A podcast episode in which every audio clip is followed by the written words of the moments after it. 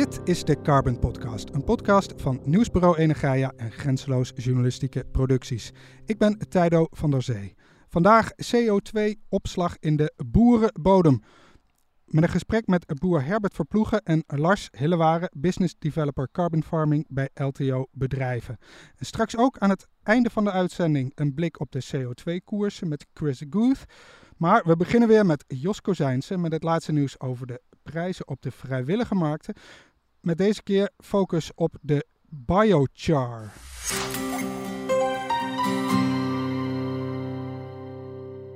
Hoi Jos, ik wil het vandaag, omdat we een aflevering hebben over de landbouw, eens uh, specifiek hebben over biochar. Eigenlijk een soort houtskool. Kan jij me uitleggen wat het precies is en waarom je kan spreken over carbon removals bij uh, biochar? Nou, het is goed eigenlijk om even te zeggen dat uh, boeren drie verschillende manieren van additionele carbon removals kunnen doen. Eén is natuurlijk het uh, permanent grasland. Heb je diepere wortels, kan je carbon in de, in de bodem. Mm -hmm. Tweede is het toevoegen van organisch materiaal aan de bodem. Humus, bokashi, natuurafval. Ja. En de derde is biochar. Nou, wat is biochar? Dat is eigenlijk een restproduct, houtskool van pyrolyse.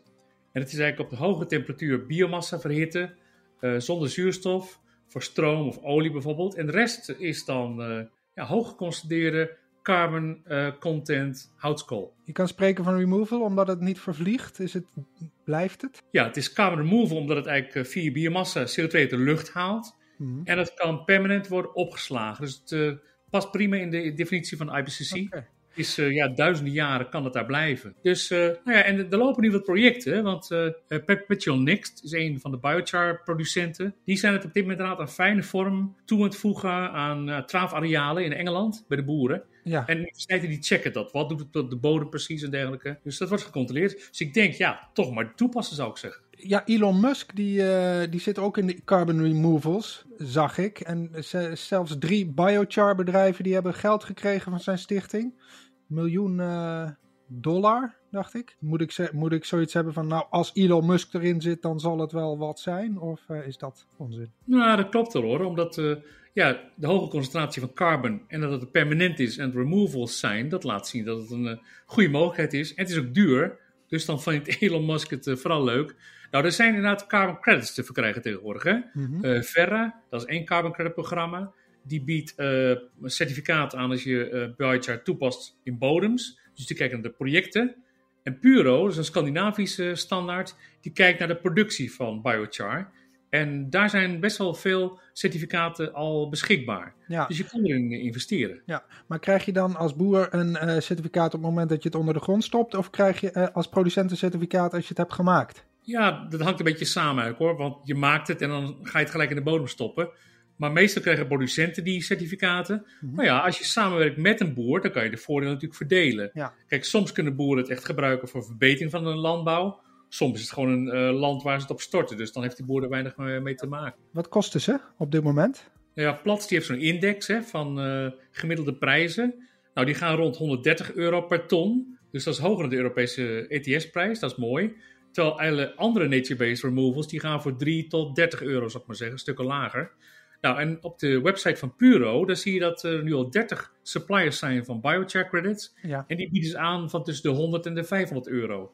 Okay. Dus zijn ja, dure opties, ja. maar ja, wel permanent removals. Ja, ja, ja, waar komen ze vandaan, die producenten? Uh, Zweden, Finland, uh, Oostenrijk, uh, VS. Dus dat zijn wel de landen. En niet de landen in, in de tropen, zeg maar. Daar wordt wel naar gekeken en dat zou een mooie optie zijn, denk ik. Ja, ik denk in de toekomst hè, honderden projecten zal zien in de Europese Unie en de VS met pyrolyse fabriekjes. En dat je in het zuiden, bijvoorbeeld India, Filipijnen, dat je het meer bij de smallholders ziet. Want de boeren, die kunnen hun rijstrouwafval, ander landbouwafval, kunnen ze omzetten in biochar via ja. verbranding. Hebben ze duurzame energie en ze, zetten, ze slaan de CO2 op. Daar zie ik ook veel mogelijkheden ontstaan. Maar er zijn nu nog geen credits van, maar daar zie ik wel ontwikkelingen. Oké, okay. houd het in de gaten. Dankjewel Jos. Dank je. Herbert, Herbert Verploegen, we beginnen met jou. Je naam, Verploegen, dat doet vermoeden dat je voorouders ook al boer waren.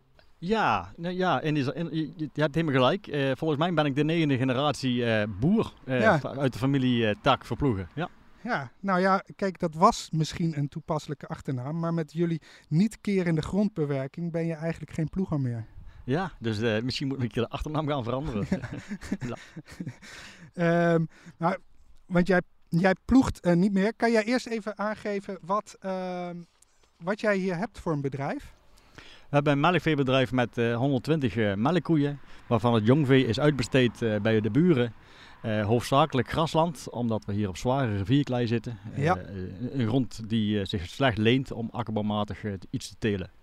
We zitten in Winsen, hè? eigenlijk eh, eh, niet ver van Nijmegen vandaan, eh, tussen de Maas en de Waal. Je vertelde net, we zitten in een kom. Eh, dit is het laagste deel van, eh, van het deel tussen de Maas en de Waal. Ja, we hebben hier een, eh, het Kommengebied is een heel lang gestrekt gebied van Nijmegen tot, eh, tot het Fort Sint-Andries. maar daarnaast ook nog de Bommelwaard en de Tielerwaard. Maar een kleisoort die heel zwaar is. Ja. Ja. En we zitten buiten. Ik denk de luisteraars zullen dat inmiddels wel eh, gehoord hebben. We zitten in het veld. Ehm, als ik op Wikipedia kijk, staat er... ploegen is noodzakelijk om de grond losser te maken. Waardoor de bodemstructuur en afwatering verbetert. En het zaaien en het ontkiemen van gewas makkelijker gaat. Bij het ploegen worden de restanten van het geoogste gewas met zijn wortels en het opgeschoten onkruid ondergeploegd, waardoor die als meststof dienen. Dat klinkt eigenlijk logisch, zo hebben we het allemaal geleerd, toch Herbert? Ja, maar zo is het. Er staat niks verkeerds eh, in bij Wikipedia. Alleen, eh, het kan ook anders. Hoe kan het anders, Lars? Nou, als ik nou eerst even mag zeggen, mijn leraar op de middelbare school zei, zei nou dat je nooit mocht citeren uit Wikipedia, maar eh, dat even terzijde. Eh nee, het, kijk, ploegen is niet per se slecht in alle gevallen. Als je een heel erg verdichte bodem hebt, waar heel weinig bodemleven in zit, dan kan het noodzakelijk zijn om, om die bodem te laten luchten handmatig door hem te ploegen. Ja, Maar waar wij naar streven is om een bodem te creëren die, waar heel veel leven in zit, die heel veel organische stof heeft. En eh, bij dat soort bodems doet ploegen meer kwaad dan goed, want dan ga je de bodem blootstellen aan de lucht, waardoor je CO2 gaat eh, creëren, zeg maar. ja. Dus in die context wil je het vermijden. Eh, Herbert, ehm, wat doen jullie nou precies hier? We, we kijken uit over het, eh, over het grasland. Hoe zie ik nou aan dit land eh, dat er niet eh, eh, geploegd wordt? Dat dit anders, ander grasland is dan ander grasland? Nou, wij hebben blijvend grasland. En Ja. blijvend grasland, ja, de definitie zegt het al. blijvend grasland is door de jaren heen alleen maar grasland en niets anders dan. Ja, En blijvend grasland. Grasland is eigenlijk met stip, met alle gewassen die je kunt telen, het beste gewas om carbon, om koolstof vast te leggen in de bodem. Dus Mhm. door niets te doen, doe je al heel veel. ja. Maar wanneer ik nieuw grasland wil hebben met- nieuwe, met een nieuwe, eh, met nieuwe teelt of nieuwe, eh, hoe moet ik zeggen, eh, eh, ander gras hè, van, van, met nieuwe genen, Ja. eh, dan moet ik, eh, eh, dan zou je kunnen ploegen, maar je zou ook anders kunnen kiezen door die bovenlaag alleen maar los te maken Ja. eh, en daar opnieuw dat zaad in, in, te, in te leggen. Dus zonder te, zonder te keren, zonder te ploegen. Ja, en, en zie ik dat nou aan het gras? Ziet, eh, ziet gras wat, want hoeveel jaar staat het nu, dit? Dit gras, dat, dat staat hier al 30 jaar. Oké. Ja. En waar zie ik dat aan? Dat kun je niet zien. Dat, zie je, dat zie je nou, als het in de bloeiwijze komt, kun je het wel zien. Ja. Eh, als je nieuw gras zaait, dan heb je echt, wel echt het mon- monocultuur, zeg maar. Hè? Want Mhm. daar zijn we ook wel inmiddels wel van afgestapt. We zaaien ook andere rassen erbij, ertussen. Ja. Sterker nog, we gaan eh, over naar kruidenrijk grasland met klavers erbij. Mhm. Eh, dat zie je hier nog niet, maar daar hebben we pilots in, de, in, de, ja, in directe omgeving wel bij, op de veldkavers staan nu. Ja, maar hoe sla je dan met dit grasland CO2 op in de bodem? Eh, hoe? Dat, dat doet het gras zelf. Ja. Met name, kijk, alles wat groeit is circulair. Er Ja, komt een, eh, De voorbijtrekkende tractor die, eh, die geeft nog een toetertje. Ik zag zijn vinger omhoog. Jullie zal- kennen elkaar hier allemaal. Dat weet ik niet. Ik, ik zit met de rug naar de straat. Het zal een bekende geweest zijn. Ja. Ehm, de, ehm, eh, de, vraag? De vraag was, hoe slaat dit gras CO2 op in de bodem? Eh ja, gras doet dat helemaal vanzelf eigenlijk. Eh, dus het CO2 wordt opgenomen uit de lucht. Ja, Eh, maakt er voor het, het overgrote deel iets circulairs van. Een grasplant. Een heel, heel klein gedeelte slaat het op in de bodem. ja, En de kunst is om, daar, om dat daar te laten Mhm. en dat niet meer door denitrificatie zeg maar, te, de, de, de carbon zeg maar, of de koolstof er, te, te te laten schieten. Zeg maar. ja, ja. Dus in de bodem te laten. In En- de bodem te laten. En in ieder geval door niet te ploegen blijft het in de bodem. Jullie willen eh, 64 ton CO2 opslaan per jaar. Ja, Dat, heb ik gelezen. Dat heb je goed gelezen. Ja. En eh, gerekend met een CO2-prijs, hij is een beetje gedaald. ehm, maar eh, zullen we even zeggen 100 euro per ton. Dan levert dat per jaar 6400 euro op. Ja. Wat kan jij met zo'n bedrag? Word je daar blij van? Is het Eh, substantieel? Nee, nee, dat is niet substantieel. Het is natuurlijk eh, eh, door, door, nou, door de bril gekeken vanuit, vanuit een salaris, zeg maar, is dat heel veel. Mhm. Maar vanuit de grote hoop op het bedrijf is dat niet veel. nee. Sterker nog, daar word je niet zo heel erg warm van als je het om het geld moet doen. Eh, maar er zitten ook hele grote voorwaarden aan. Eh, hè, dus de credits waar we daar over gaan hebben. eh, ik, Ja. mag deze, ik mag nu deze grond ook niet meer omzetten naar een akkerbouwgewas. Koeien die hebben, hebben zetmeel nodig in hun rantsoen. Dus Aha. daar hebben ook mais voor nodig. En daarom telen we mais. En niet omdat we mais graag telen omdat er een mooi bulkgewas is, zeg maar. Maar omdat er zetmeel in zit wat de koe Mhm. nodig heeft. Ja. Dat mag ik dus niet nee, met, met credits. Dus ik heb best wel strenge voorwaarden. Wat ook voor sommige collega's echt wel belemmerend is om, om hier aan zo, zomaar mee deel te nemen. Kan me voorstellen. Eh, we gaan straks nog even wat verder in op hoe jij ja, meet en monitort. Eh, ik ga nou eerst even naar jou, eh, Lars. Je werkt bij LTO Bedrijven. En ik denk niet dat iedereen weet wat voor organisatie dat is. Dus ik zal even kort proberen uit te leggen en verbeter me als ik het niet goed zeg. Doe ik. LTA, LTO Bedrijven is opgericht en werd gefinancierd door de LTO-leden 20 jaar geleden. Maar nu verdienen jullie je eigen geld. Jullie bieden onder meer collectieve inkoopregelingen aan voor boeren. Hebben participaties in start-ups zoals Bioscope, dat gedetailleerd landgebruik gebruik kan meten. NL Groen, een handelsplatform voor groene credits. En in Carbon Farmers, dat voor bo- boeren eh, businessmodellen ontwikkelt om koolstofvastlegging eh, eh, te doen in de bodem. En als het dus om negatieve emissies bij boeren gaat, dan zijn jullie dus de club waar je niet omheen kan. Klopt Nou. dat ongeveer? Nou, ik had het zelf niet beter kunnen zeggen. Nou, dan eh, dat klopt het. Dan laten we het zo staan. Eh, ja, jullie promoten eh, dit hier, wat we zien bij de boerderij van Herbert. Maar ook bijvoorbeeld de teelt van bamboe en zonnekroon. Dat denk ik dat veel mensen niet weten wat het is. Maar dat is een plant met een gele bloem, maar die kan een paar meter hoog worden. Ja. En olifantsgras, ook heel hoog riet hè, is Ja. dat. Kan je me er iets meer over vertellen? Ja, wel, misschien eerst even toelichten waarom we die keuze ook gemaakt hebben. Hè. Wij, wij zijn begonnen vanuit eh, hoe kunnen we met die carbon farming eigenlijk de verduurzaming van de landbouw in Nederland gaan stimuleren. En als je dan even ja, wat rekensommetjes gaat maken, zoals jullie net ook gedaan hebben, dan kom je tot de conclusie, ja, met de hoge kosten, hoge grondprijzen in Nederland, ja, moet die carbon farming gewoon echt al veel gaan opbrengen om echt eh, een interessant alternatief te gaan worden voor de Ja. gangbare business. Ja, En toen hebben we vrij eh, snel gezien van ja, de, de manier waarop je een, een goede slag daarin kunt slaan, is door eh, vezelgewassen te telen voor biobased bouwen. En da- Mhm. daarom zijn we daarmee gestart. ja. En hebben we dus gezegd van inderdaad, die bamboe die slaat zo geweldig veel eh, CO2 op per hectare. Mhm. Eh miscanthus inderdaad, rietachtig gewas, idem, zonnekroon. En dat zijn allemaal gewassen die voor het overgrote deel in non-food toepassingen kunnen worden gebruikt. En dan kun je denken aan papiervervangers, katoen, ehm, eh, maar ook in het bijzonder is bouwmaterialen. En, Ja. die, en die bouwmaterialen, daar zijn we ook in geïnteresseerd, want dat kun je dan natuurlijk ook weer gaan verwaarden als je langdurige koolstofvastlegging eh, Mhm. kunt verwezenlijken met wat er uit die plant komt. Ja, snap ik. Maar eh, we hebben het nu over de bodem. Ook, voor Dus- de, ook voor de bodem zijn dat gewoon erg goede, eh, interessante gewassen. Hè? Want veel, eh, dus bijvoorbeeld bamboe en miscanthus, ja, dat zijn eh zonnekroon ook, dat zijn meerjarige gewassen. Dat wil Ja. zeggen, je plant ze eenmaal aan en dan ga je ze na een jaar of een paar jaar ga je ze oogsten. Ehm, maar voor de rest hoef je niet herin te zaaien of te herplanten. En wat jullie daarnet, waar jullie het al over hadden, niet verstoren van de bodem, wel, dat ga je dan dus niet doen over een Mhm. termijn van 20 tot wel in het geval van bamboe 80 of 120 jaar. Dus dat is ook Mhm. erg goed voor de bodem. Eh, dat creëert dus ook eh, koolstofvastlegging in de bodem.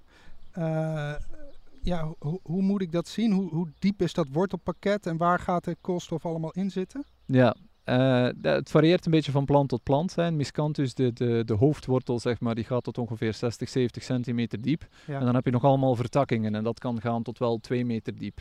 En dan een, een, een Miscanthus die, die groeit vooral verticaal, Mhm. Ehm, maar een bamboe die groeit horizontaal. En natuurlijk, eh, daarom is die ook, eh, hebben mensen soms schrik van de bamboe, Ja. eh, omdat die invasief kan worden. Dus daar moet je wel rekening mee houden. Het voordeel daaraan is, ja, doordat heel die bodem doorworteld is, legt die enorm veel koolstof vast. Meer dan eender welke andere plant, denk ik. ja. In de wortels alleen? Uh, dus ja, dat is altijd organische, of, uh, organische koolstof wordt vastgelegd in het wortelstelsel, ja. in de bodem om, uh, om de wortels heen ook. En, en dan bij bamboe blijft er ook altijd een stuk bovengrond staan. Hè. Dus daar, daar raak je ook een beetje aan het gegeven van agroforestry, bovengronds ja. koolstofelementen zeg maar, ja. die aan de grond vasthangen. Maar die koolstof die komt, zit dus in de wortels en via de wortels wordt het ook aan de bodem afgegeven. Ja, dat klopt. Hè. De, uh, de, de, via de fotosynthese gaat dus inderdaad die CO2 uh, de plant in, hè, in, de vorm, uh, in de vorm van suikers. En die, die mhm. worden dan doorgegeven ja, op de plaatsen waar het nodig is. En in, de, in het begin van de groeicyclus gaat het dus vooral naar het wortelstelsel. Dan um, in de vloeibare vorm gaat dat dan als wat men wortelexudaten noemt ja. de bodem in. En dat is iets wat, wat bodemkundigen pas recent hebben echt beginnen beseffen is dat, uh, dat ze die afgeven aan uh, allemaal micro-organismen in de bodem in ruil voor minerale voedingsstoffen. Okay. En dus daar zit eigenlijk een wisselwerking in. Een symbiose. Ze doen het niet uh, per ongeluk. Er zit een, een idee achter, hoewel ze natuurlijk niet echt kunnen denken. Er, zit, er, er is, is, er is ja. over nagedacht. Ja, precies. De evolutie heeft erover ja, nagedacht. De evolutie heeft erover nagedacht. Ja, we hebben nou dus nog even over die, eh, die, die, die grote planten waar jij het uh, over hebt. Hoe lang, hoeveel CO2 uh, ja, leggen die vast? Uh, nou, dus als je kijkt naar een bamboe, dan hebben we het over total ecosystem carbon. Hè. Dus dat is die drie dingen waar ik het net over had. Mm -hmm. Wortelstelsel, bodem en bovengronds. daar, ja, dat, dat varieert ook van het klimaat. Hè. In, een, in een klimaat als in Spanje of Portugal gaat dat nog een stuk sneller dan in Nederland. Mm -hmm. Maar er wordt gerekend met conservatief over de eerste 12 jaar dat die 200 ton CO2 kan vastleggen per hectare. En als je dat omrekent naar per hectare per jaar, wat zo'n beetje onze maatstaf is, ja. dan, dan, zit je aan een ja, 16, 17 ton CO2 per hectare per jaar. Ja, en dan kan je dat maal uh, 100 doen. Uh, want dan heb je de, uh, de totale prijs die je dan voor emissierechten zou kunnen krijgen. Ja. Dan heb je het over 1700 per hectare. Ja, per hectare per jaar. Ja.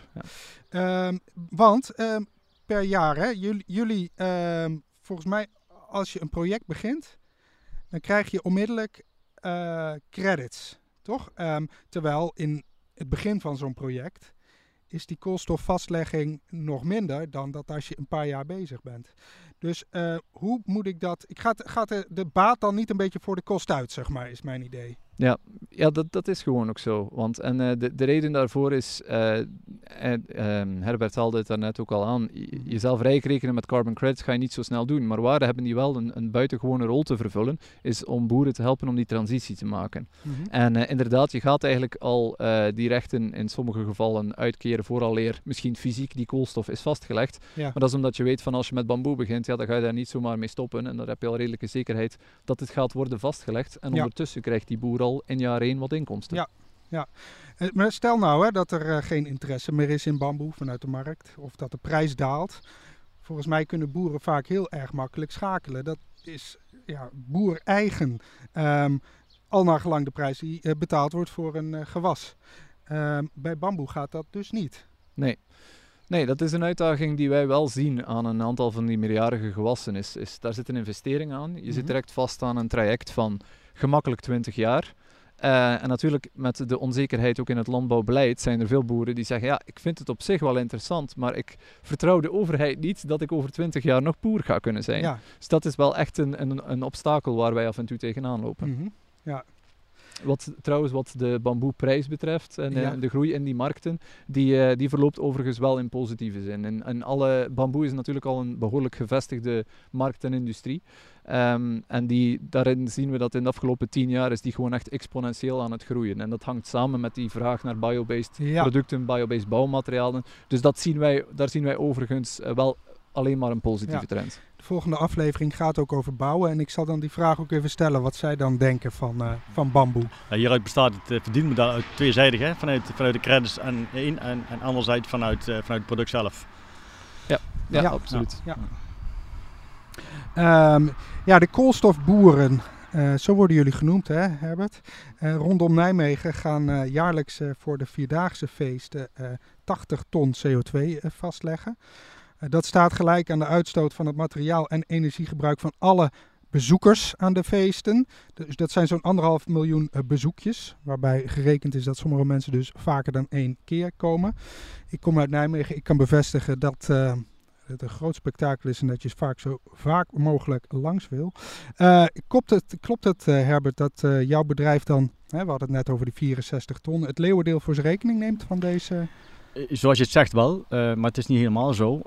Stichting Vierdaagse Feesten, of de Vierdaagse Feesten, zo, zo maar noemen, ja. die hebben verschillende scopes. Er zijn een aantal scopes en, en twee ervan, twee kleine, mhm. die gaan wij organiseren in de credits. Ja. En de rest gaan we vanuit dat die een keer gaan komen. Mm want die credits moeten betaald worden en komen uit die feesten. Dus uiteindelijk zal de, de, de, ja, de, de consument zeg maar, uh, in de stad, die zal dat moeten, ergens moeten gaan betalen. Met andere woorden, er zit iets tussen. En dat zijn, uh, dat zijn de horecaondernemers. Ja. Onder andere. en de, en de, de, de food- en, en drank tentjes zeg maar, die daar staan. Ja. Uh, daar zal het handje opgehaald moeten gaan worden. Uh, Dat is nu niet zo heel makkelijk. Uh, dus vandaar dat we laagdrempelig willen gaan beginnen. Mhm. Dus en jij hebt het over scope. En wat wil scope zeggen? scope wil zeggen, wat pakken wij, wat, wat vatten we samen zeg maar, als, als doelstelling om, om de CO2-emissie die we met, met de feesten uitstoten te pakken, zeg maar. Ja. En uh, verschillende scoops willen zeggen, uh, bijvoorbeeld uh, mobiliteit is een hele grote. Die hebben ja. ze nog even geparkeerd. Okay. als, die, als, die, als die die ook mee willen nemen, -huh. al die mensen komen in de stad op een of andere wijze, ja, dan, dan, dan hebben we wel een paar boeren nodig nog. Ja, oké. Dus uh, het begint met uh, de drankjes, is het idee? Uh, ja, de drankjes die is ook nog niet helemaal onderzocht. Wat, wat nu met name om gaat, is de energie die verbruikt wordt in de stad. Ja. Die pakken wij en uh, de organisatie aan, zich. Dus er, gaat, er wordt wat georganiseerd, er worden podiums opgebouwd, et cetera. Uh, dus die twee scopes die worden nu uh, die worden samengepakt en ook nog maar een gedeelte ervan uh, is, toegezegd, staat contractueel al vast, dat we die gaan organiseren okay. met credits. Ja. Dus het kan nog veel groter worden, maar het begint ergens en, ja. en hier begint het. Ja, Herbert, wat, wat, wat krijgen jullie per, per ton vastgelegde CO2? In dit vijf jaar contract hebben wij 100 euro per ton CO2 afgesproken en vastgelegd. Ja, Oké, dus dan is dat precies zoveel als dat ik net veronderstelde. Ja, wij, wij hebben dat losgelaten van de markt. Eh, die, die 100 euro, dat, zit al iets lager volgens mij in de markt. Hè. Mm -hmm. zit nog 83 volgens mij. Ah, Oké, nou ja goed. Wij hebben gewoon de, een rondbedrag afgesproken. Ehm, maar uh, daarbij komen nog wat kosten. En die mhm. zijn ook, uh, wij hebben 100 euro afgesproken voor ons, hè, voor, ja. voor, voor, wij als, uh, voor de credits. maar volgens mij kost het de organisatie, de Stichting Vierdaagse 140 euro. 40 euro ah, ja. is kosten voor die een stukje in, in de pilot zitten.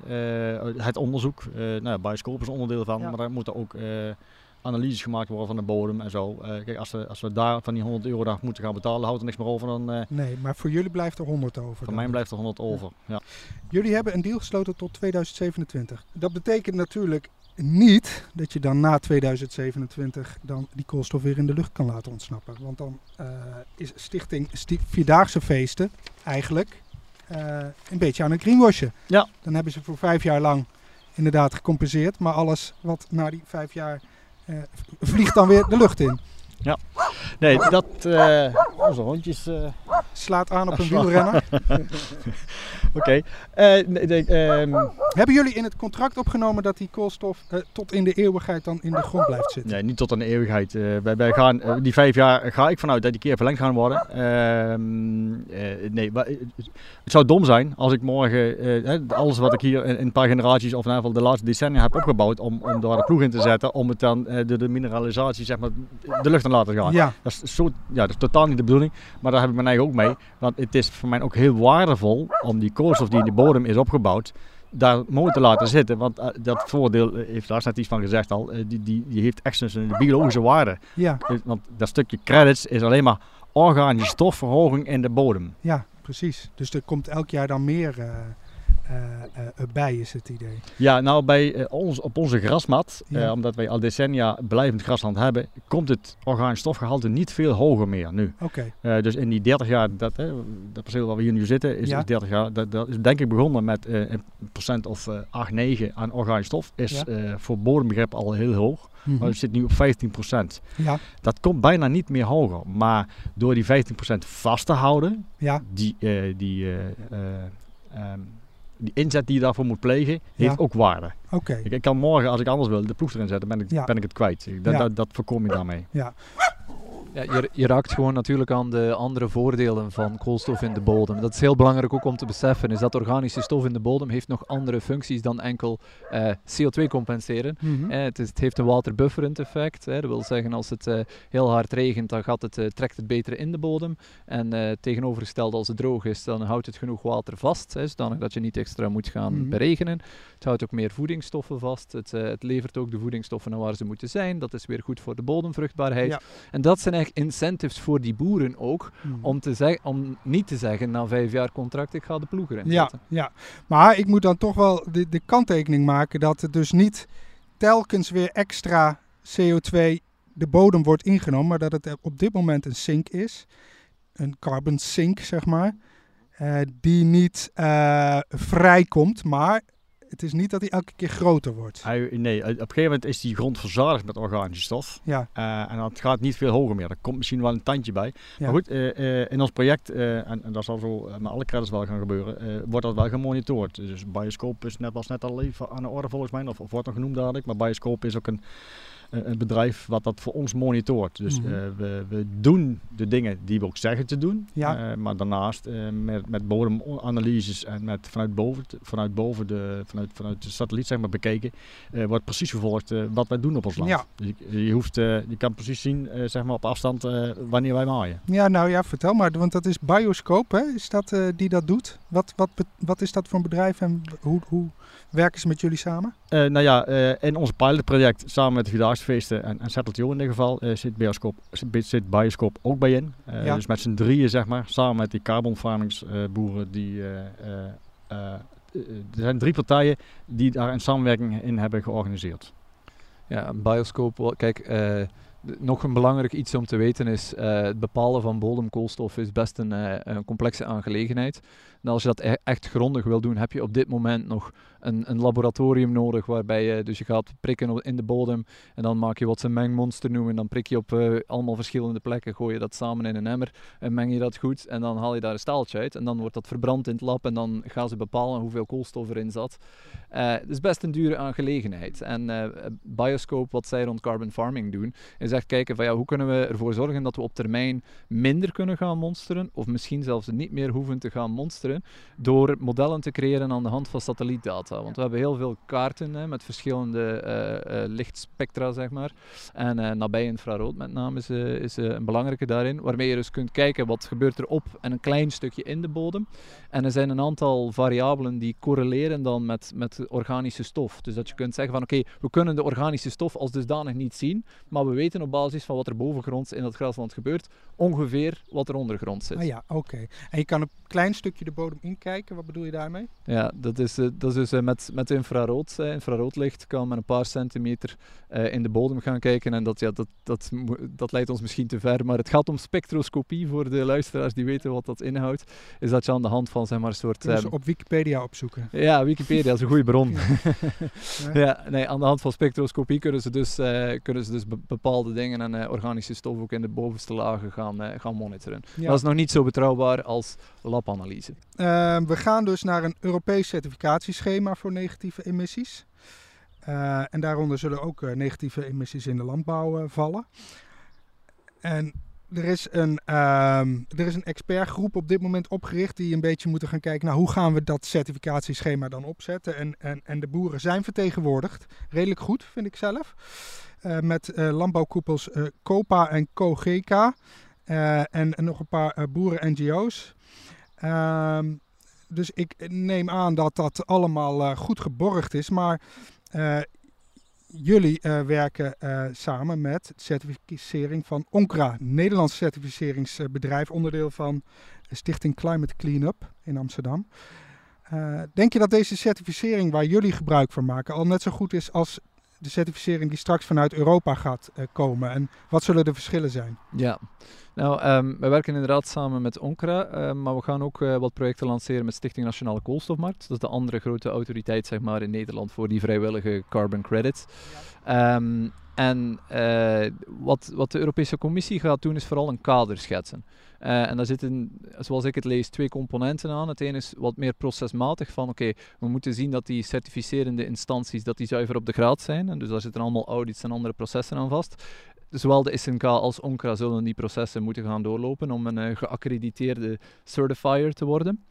En tweede, uh, tweede uh, kant van de zaak is het inhoudelijke. En daar heeft de commissie gezegd van kijk, er zijn een aantal zaken waar je aan moet voldoen. Je moet het kwantitatief onderbouwen. je moet iets zeggen over permanentie, waarbij er ook rekening wordt gehouden met inderdaad het gegeven van ja, koolstof vastleggen in landbouwgrond, dat, dat kun je niet eindeloos borgen. Hè. Daar zitten beperkingen aan en hoe mm. gaan we daarmee om? Co-benefits, dat is ook iets waar uh, naar wordt gekeken van. Hè. Heeft het geen uh, negatieve impact op biodiversiteit of, of water? Of, of juist positieve?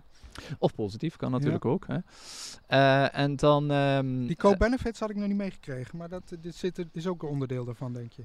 Uh, nou, de, ze hebben dus vier normen opgesteld. Mm -hmm. uh, en dat is, dat is dus, uh, het, het, het, belangrijkste is dus dat, dat de kwantitatieve, dat je met de levensduur rekening moet houden. Dat je met de andere, andere vormen van impact rekening moet houden. En de vierde ontsnapt mij even. Ja. Maar in elk geval, al die, al die normen, daar, daar gaan wij al aan voldoen. Okay. Want kijk, wat je, wat je hebt is dat vooral het kwantitatieve stuk is van belang. En dan zeggen ze... wil je mee zeggen dat het aantal uh, credits dat je krijgt ook echt correspondeert met het hoeveelheid CO2 die is opgeslagen. Precies, en hoe maak je dat hard? Hè? De, natuur is natuurlijk complex hè? en, uh, en we, ha we, hadden het er al even over van uh, ga, je, ga je echt monsters nemen in de mhm. bodem, ga je echt ja. meten of ga je een model gebruiken op basis van historische data? Hè? En daar bestaan ook van die, bestaan goede modellen, bestaan minder goede modellen. Als ik op de website van Onkra kijk, dan zeggen ze wij doen een nulmeting en we maken monsters en dat sturen naar het lab. dus zij doen dat wel. Ja, dat is, en dat is al volgens bepaalde ISO-normen. Dus dat is eigenlijk ook, eh, dat doen wij samen met Eurofins. En uh, ja. Eurofins is een heel grote partij daarin. Dat is um, een autoriteit in de agrarische sector ook. En, uh, en die hebben ook al methoden om specifiek organische bodemkoolstof te bepalen met het oog op carbon credits. Zijn zij hier geweest? nou, sterker, daar werken we al 30 jaar mee. Oké. Okay. Ja. ja. ja. Oké. Okay. En zij hebben hier ook monsters genomen? Ja, nou ook vanuit, uh, vanuit RVO zijn wij verplicht uh, elke vier jaar uh, een bodemanalyse te maken van onze bodem. Maar, maar dat gaat met name over fosfaat, stikstof, maar ook zeker over de organische stof van de bodem. Dat is de stikstofleverende vermogen. Dus er zijn een aantal verplichte componenten in. Maar de belangrijkste staan daar niet in. We willen heel veel weten van die bodem om, om er op de juiste manier te kunnen, te kunnen voeden. Ja, ja. Dus af en toe heeft ik noem maar even een zijspoor, af en toe heeft een, bekalking nodig. Nou, dat geeft die analyse aan dat het nodig is en, en hoeveel. Ja, ja ik dus noem maar even is, iets. Er, er, wordt wel meer gemeten dan alleen uh, de koolstof. Ja, er wordt heel veel gemeten. Ja. ja. Is dat bij elke boer in Nederland het geval? Of, uh? nou, die verplichting sowieso. Hè. Ja. Uh, als je perceelsregistratie invult, dan ben je dat verplicht. En als ik zo om me heen kijk en ik, ik kijk zo met mijn studieclubs even door, dan, dan doet dat bijna iedereen. Oké. Okay. Ja. Dus iedereen weet ook hoeveel CO2 er in de bodem zit? Of wordt dat, niet dan, die, dat dan weer niet bij iedereen gemeten? Je, jawel, altijd. Okay. Ja, de stikstofleverende vermogen is een afleiden weer van, uh, van het uh, organisch stof. Maar het okay. organisch stofgehalte kent iedereen bijna wel uit zijn ja. hoofd. Het is een heel belangrijk een soort sleutel uh, woord zeg maar, van de kwaliteit van je bodem. Hè. Dus ja. de, de, het bodemleven is afhankelijk van je, van je organisch stofgehalte. Ja. En, en o zo belangrijk. Ja. Um, nou, in dit geval worden die credits dan ja, direct doorverkocht eigenlijk aan een andere partij. Hè? Uh, nou, wat je ziet met het Europese emissiehandelssysteem voor CO2 is dat er een grote handelsplaats is. Uh, ja, je kan natuurlijk ook uh, misschien verwachten dat voor dit soort credits er op een gegeven moment een soort van handelsplaats gaat ontstaan. Er moet er natuurlijk wel wat liquiditeit zijn. Maar luister, wat denk jij dat er. ja, waar, waar koersen jullie op? Ja, wij willen ook graag zien dat er zo'n handelplaats komt. Want dat, uh, wij hebben natuurlijk gewoon, gewoon, schaal nodig om die sector te helpen verduurzamen. Mm -hmm. Dus uh, nu doen we dat nog vooral in één op één uh, overeenkomsten. En dan, ja. dan ga je rond tafel zitten en dan ga je het verhaal vertellen. Maar als je dat moet doen voor elke credit die je gaat verkopen, nou, dan ben je over 100 jaar nog bezig ja, met precies. vertellen. Ja, en, en, en, komt hij al een beetje uit de startblokken, dat, die handelsplaats? Of moet daar echt nog wel wat, wat schaal worden gecreëerd? Het begint te komen. Je, je, ziet er veel interesse in. Uh, er is natuurlijk ook nog veel onzekerheid. Hè. We hadden het al even over het, uh, die, die um, certification vanuit de Europese Commissie. Wij mm. zien dat ook echt wel als een noodzakelijk iets. Omdat een koper dan... Kijk, nu zijn, nu zijn er bijna evenveel credits als dat er partijen zijn die projecten doen. Ja. Dat is niet goed voor, voor de, het vertrouwen en uh, voor de kwaliteitsborging. Hè. Mm. Voor de duidelijkheid vanuit de kopersmarkt. Ja. Als daar duidelijke normen rond zijn en een koper weet van... Oh, dit is conform de normen van de Europese Commissie. Dan kan ik ervan op aan dat ja. wat ik koop, dat het geen gebakken lucht is. Ja. Ja. Dat hebben we nodig om die markt uh, van de grond te krijgen. Ja. Wat, uh, wat je krijgt in 2040 of ik zeg het even niet heel helder. Het is in ieder geval zo dat we altijd restemissies houden. Dat zijn, is dan geen CO2, maar bijvoorbeeld methaan of zo. Hè? Dan zou je ook kunnen zeggen, nou, als boeren in staat zijn om negatieve emissies te, te, uh, te maken, dan kan je als sector zeggen, nou, dan ga ik die negatieve emissies hup, aan mijn collega's geven die nog wel wat emissies hebben. En dan ben je als sector, ben je dan wel uh, klimaatneutraal. Daar zou misschien wat voor te zeggen zijn. Ik snap wat je bedoelt. We hebben ook uh, bijvoorbeeld in Friesland Capina, mijn verlengstuk uh, van, van, van mijn bedrijf. Uh, ook uh, zo'n organisatie zal daar waarschijnlijk richting 2050 ook klimaatneutraal moeten gaan, gaan, uh -huh. gaan draaien. En ja. Uh, nou ja, dan is het wel heel, heel vanzelfsprekend dat Campina bij haar edeleden aanklopt van hey, en, en, jullie credits dan? Ja, ja dat, gaat, dat gaat komen. Dus jullie gaan de credits aan Friesland Campina verkopen? Bedoel je dat? Ja. Ja. ja. ja. Dus, dus dat, dat, ligt voor de hand natuurlijk. Ja. Hè? We hebben ook al gesproken met, uh, met Friesland Campina over dit onderwerp. En zij zijn echt ook al aan het kijken van ja, hoe, kunnen, hoe kunnen wij nu um, niet alleen, niet alleen de, de CO2-emissies per kilogram melk naar beneden brengen, maar ook uh, alle andere vormen van impact even gaan meenemen en boeren daar dan op gaan belonen als ze, als ze hun uh, milieu-impact gaan verminderen. Omdat zij gewoon ook zien, ja, op de huidige manier wordt het moeilijk om, ja. uh, om, om, om voor te blijven doen. Dus ze willen daar ook echt normen aan vasthangen. Ja. Uitgangspunt is van, van gras tot glas. En daar zit de boer tussen, en er Ja. zit Friese Capina tussen en er zit de hele retail nog tussen. Ja. En dat, dat vanaf begin tot eind, als je dat klimaatneutraal kunt maken en we kunnen daar een onderdeel in zijn om de, om de, de credits zeg maar, daarin te, in te verwerken, dan, dan zal het ons het beste passen. Ja, ja, Ja. ja, dat snap ik. Lars, ik lees in een eh, rapport van de Wageningen Universiteit uit 2021, eh, jij hebt het ook eh, gelezen volgens mij, dat eh, koolstofvastlegging in de bodem uiteindelijk kan zorgen voor meer lachgasuitstoot. Eh, N2O. Eh, ik citeer: Er is een relatie tussen gemakkelijk afbreekbare organische stof in de bodem en lachgasemissies. Ehm, afbreekbare organische stof voorziet in koolstof en vormt een energiebron voor heterotrofe denitrificerende organismen. En dat zijn organismen die koolstof uit organische stof gebruiken als energiebron en daarbij nitraat kunnen omzetten in lachgas. Nou weten we dat lachgas een sterk eh, eh, broeikasgas is. Weten we nou wel alles eh, van wat er in de bodem gebeurt? Komen we niet van de regen in de drup? Ja, nou, terechte vraag. Eh, ik, je had het inderdaad al even laten vallen eh, dat, eh, dat ik die bron ook gelezen heb. en ik, als ik ook even een stukje mag citeren, Ja. er staat daar ook in. Er zijn echter ook manieren waarop koolstofvastlegging lachgasuitstoot kan verminderen. Een hoger organische stofgehalte zorgt namelijk voor een betere luchtige bodemstructuur, waardoor er meer zuurstof in de bodem kan komen. Een hoger zuurstofgehalte in de bodem remt denitrificatie en daarmee de uitstoot van lachgas. Ook kan een verhoogd organische stofgehalte in de bodem leiden tot betere gewasgroei en stikstofopname, waarmee lachgasuitstoot geremd wordt. Ja, En dan zegt men, concludeert men met te zeggen: het is belangrijk inzicht te krijgen in lachgasemissies bij maatregelen om, stikstof, om koolstof vast te leggen en bij maatregelen om lachgasemissie te beperken. Dus eigenlijk heb je twee processen aha. die elkaar kunnen tegenwerken. En het is de vraag van hoe zit die balans daarin? Mhm. En daar houdt men al rekening mee. Wij, Ja. hebben, wij hebben ook een model voor eh, de miscanthus teelt, waarin, en ik heb het onderzoekers nog eens uitdrukkelijk gevraagd, Ja. kijken jullie ook naar die lachgasemissie? En ze Ja. zeggen, ja, dat zijn zaken waar al eh, metingen naar gedaan zijn, waar al onderzoek naar gedaan is, dus dat nemen we standaard ook mee in het model. Maar het is belangrijk, inderdaad, wat je aanhaalt. Want als je enkel koolstofvastlegging gaat belonen, maar je kijkt niet welke emissies ga je realiseren om die koolstofvastlegging te verwezenlijken, ja, dan houden we onszelf ook maar voor de gek. Ja, eh, het is een complex eh, systeem, hè, die, die natuur. We gaan het wel proberen te kwantificeren allemaal. Met, met de onzekerheden die we tot nu toe hebben. Dan in, later in het traject ook dealen, of zo moet ik dat op die manier dan zo samenvatten. Ja, kijk, die, die boeren die hebben dat gewoon ook hartstikke nodig. Hè? eh, ondersteuning in die transitie. En we moeten het kwantificeren om ze te helpen. Om van die uitdaging eigenlijk een kans te maken. Ja, nou ja, ik, ik vind het ook een, een, een kracht van de sector om, eh, om, eh, om ergens te- beginnen. Mhm, zo, zit- ja. zo zit ik er altijd al in. Ik heb wel meer dingetjes gedaan waar je zegt van ja, waar begin je aan? Ja, het begint ergens natuurlijk. En, Ja, ja. ja, ja. Dus dat is gewoon een stukje drive die in mij zit. En die zullen anderen misschien iets minder hebben. Nou ja, dat, dat is ook verschil. ja. En het gras wat van jouw land komt, dat vinden de koeien nog altijd wel te pruimen, zeg maar. ja, ik denk het wel. eh, als ze, je moest daar zelf even vragen of ze stal inlopen, dan eh, krijg je misschien een antwoord. Lars Hillewaar en Herbert Verploegen, dank jullie wel. Ja, bedankt voor de uitnodiging. Ja, graag gedaan. Ja. En dan gaan we tot slot nog naar de actuele CO2-prijzen met Chris Good. Hoi Chris, welkom. Dag Tijdo. Hi, Hoi. fijn er weer te zijn. Yes. Hey, ehm, wat ik nou zag eh, met de prijzen, dat die dan toch afgelopen week voor het eerst sinds, ik denk januari, onder de 85 is gezakt. Misschien mag het geen naam hebben, maar toch. Klopt, nee, absoluut. We hebben zelfs de afgelopen week eh 8% eh, eh, zien verdampen aan waarde. En we noteren op dit moment zo rond de 83 eh, euro eh, per ton.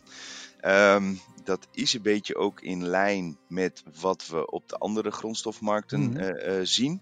Eh, we hebben natuurlijk de prijs van aardgas eh, fors onderuit zien gaan eh, de afgelopen week. En ehm, ik denk ook wel dat het bericht van eh, of dat Duitsland eh, eh, in een recessie eh, eh, is, is beland. Eh, veel industrie is natuurlijk gevestigd in, eh, in Duitsland. Ja. Eh, en dat schetst niet een bepaald beeld waar nou ja, de vraag naar eh, energie en in het verlengde daarvan emissierechten eh, robuust zal zijn. En dat dat nou ja, toch echt wel eh, eh, zwaar weegt op de prijsvorming van, eh, van emissierechten onder andere. Ja, ja. Ja, en dan komt hij dus eh, inderdaad. Kijk, als je het iets, eh, in een iets breder plaatje eh, ziet, dan lijkt hij vooral volatiel de afgelopen tijd, die prijs. Ja. En, maar wel binnen bandbreedte. Maar goed, als je het dus echt in de afgelopen week bekijkt, dan, dan zie Ja. je wel die daling. We staan zeker gewoon op het laagste prijsniveau in vier maanden tijd. Dus dat is, eh, dat is niet niks, zeg maar. Dat is niet alleen maar ruis van de dag. Nee. Eh, maar eens, eh, nog altijd wel binnen die bandbreedte een beetje waar we, waar we het ook in de vorige pod podcasts over hebben gehad. Eh, hè, 80, eh, 90 is wel een beetje wel een referentiekader voor de, Ja. voor de middellange termijn. Dus oké, eh, recessie, ehm, ja, daar komt misschien niet direct een einde aan. Eh, maar wat, eh, wat verwacht jij dan voor de komende tijd? Ja, je ziet dus dat zo, zolang die grondstofprijzen, en met name aardgas, Mhm. hè, want dat leidt tot de bekende meerstoken van aardgas, minder emissies zijn daarmee gepaard ten opzichte van kolen. Dat fenomeen is op Ja. dit moment sterk gaande. Ehm, zolang die gasprijs zijn weg naar beneden blijft vinden, waar het vooralsnog nog wel even naar uitziet, eh, ja, zouden we ook voor eh, emissierechten wel wat, wat neerwaarts potentie ontstaan. Eh, ik verwacht echter wel dat ja, eh, 70 euro de megawatt een brug te ver, of 70 euro per ton een brug te ver is op dit moment. Dus als ik het even samenvat, jij denkt hij zal wel onder de 80 duikelen, maar niet verder dan 70. 70 lijkt me vooralsnog echt een brug, eh, brug te ver. Eh, kijk, op alle facetten, als je kijkt naar de emissiemarkt, dan is dat voornamelijk eh, elektriciteitsproductie. Hè, dus dat Mhm. drukt een hele belangrijke stempel op de prijzen. Maar ook in combinatie met de industrie. Hè, dus dat is binnen Europa natuurlijk de voornaamste deelnemers van het emissiehandelssysteem. En nou, industrie hebben we het net over gehad. Maar ook als we naar de powerproductie kijken, dan zie je dus dat die emissievrije vormen van elektriciteitsproductie, dus eh, kerncentrales, maar ook eh, de waterkrachtcentrales, daar hebben we de watervoorraden aanzienlijk eh, nou ja, in positieve zin zien bijtrekken. Dus dat schetst ook de verwachting dat er wat minder kolen en gas nodig zullen zijn, omdat die een groter deel voor rekening van elektriciteitsproductie Ja. pakken. En dat, nee, de signalen zijn niet op het moment aanwezig dat we een, eh, een stevig prijsherstel verwachten. Eh, enig neerwaarts potentie de komende weken, die, eh, die acht ik voor mogelijk. Alleen inderdaad, als je een stapje terug doet naar de wat middellange termijn, dan, dan, dan zien we niet een 70, eh, 70 als een realistisch prijsniveau. Dus ik verwacht nog wel even binnen die bekende bandbreedte 80, 90 als het meest waarschijnlijke. Toch wel, niet onder, de, niet onder de 80 dus. We zouden daar even onder kunnen komen, Ja. maar ja, heel, heel significant lijkt, mij, eh, lijkt mij de kans eh, vrij klein.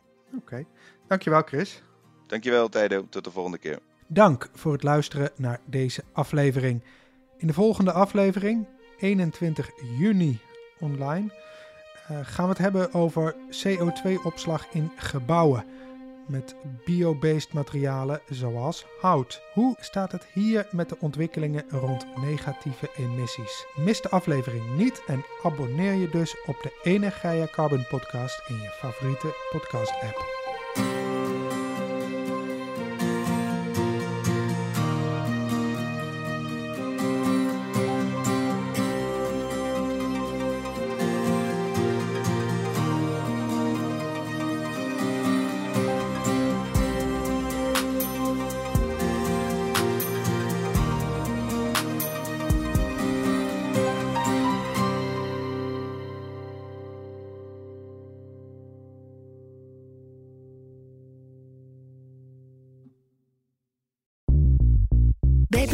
Ben je altijd als eerste op de hoogte van het laatste nieuws. Luister dagelijks live via internet. Jelle Maasbach, Wesley Weert. We zijn er voor je met het leukste, opvallendste, maar natuurlijk ook het belangrijkste nieuws. Tijdens de presentatie van die halfjaarcijfers toen die beurskoers in elkaar kukkelde. BNR Beurs. Voor de slimme belegger. Blijf scherp en mis niets.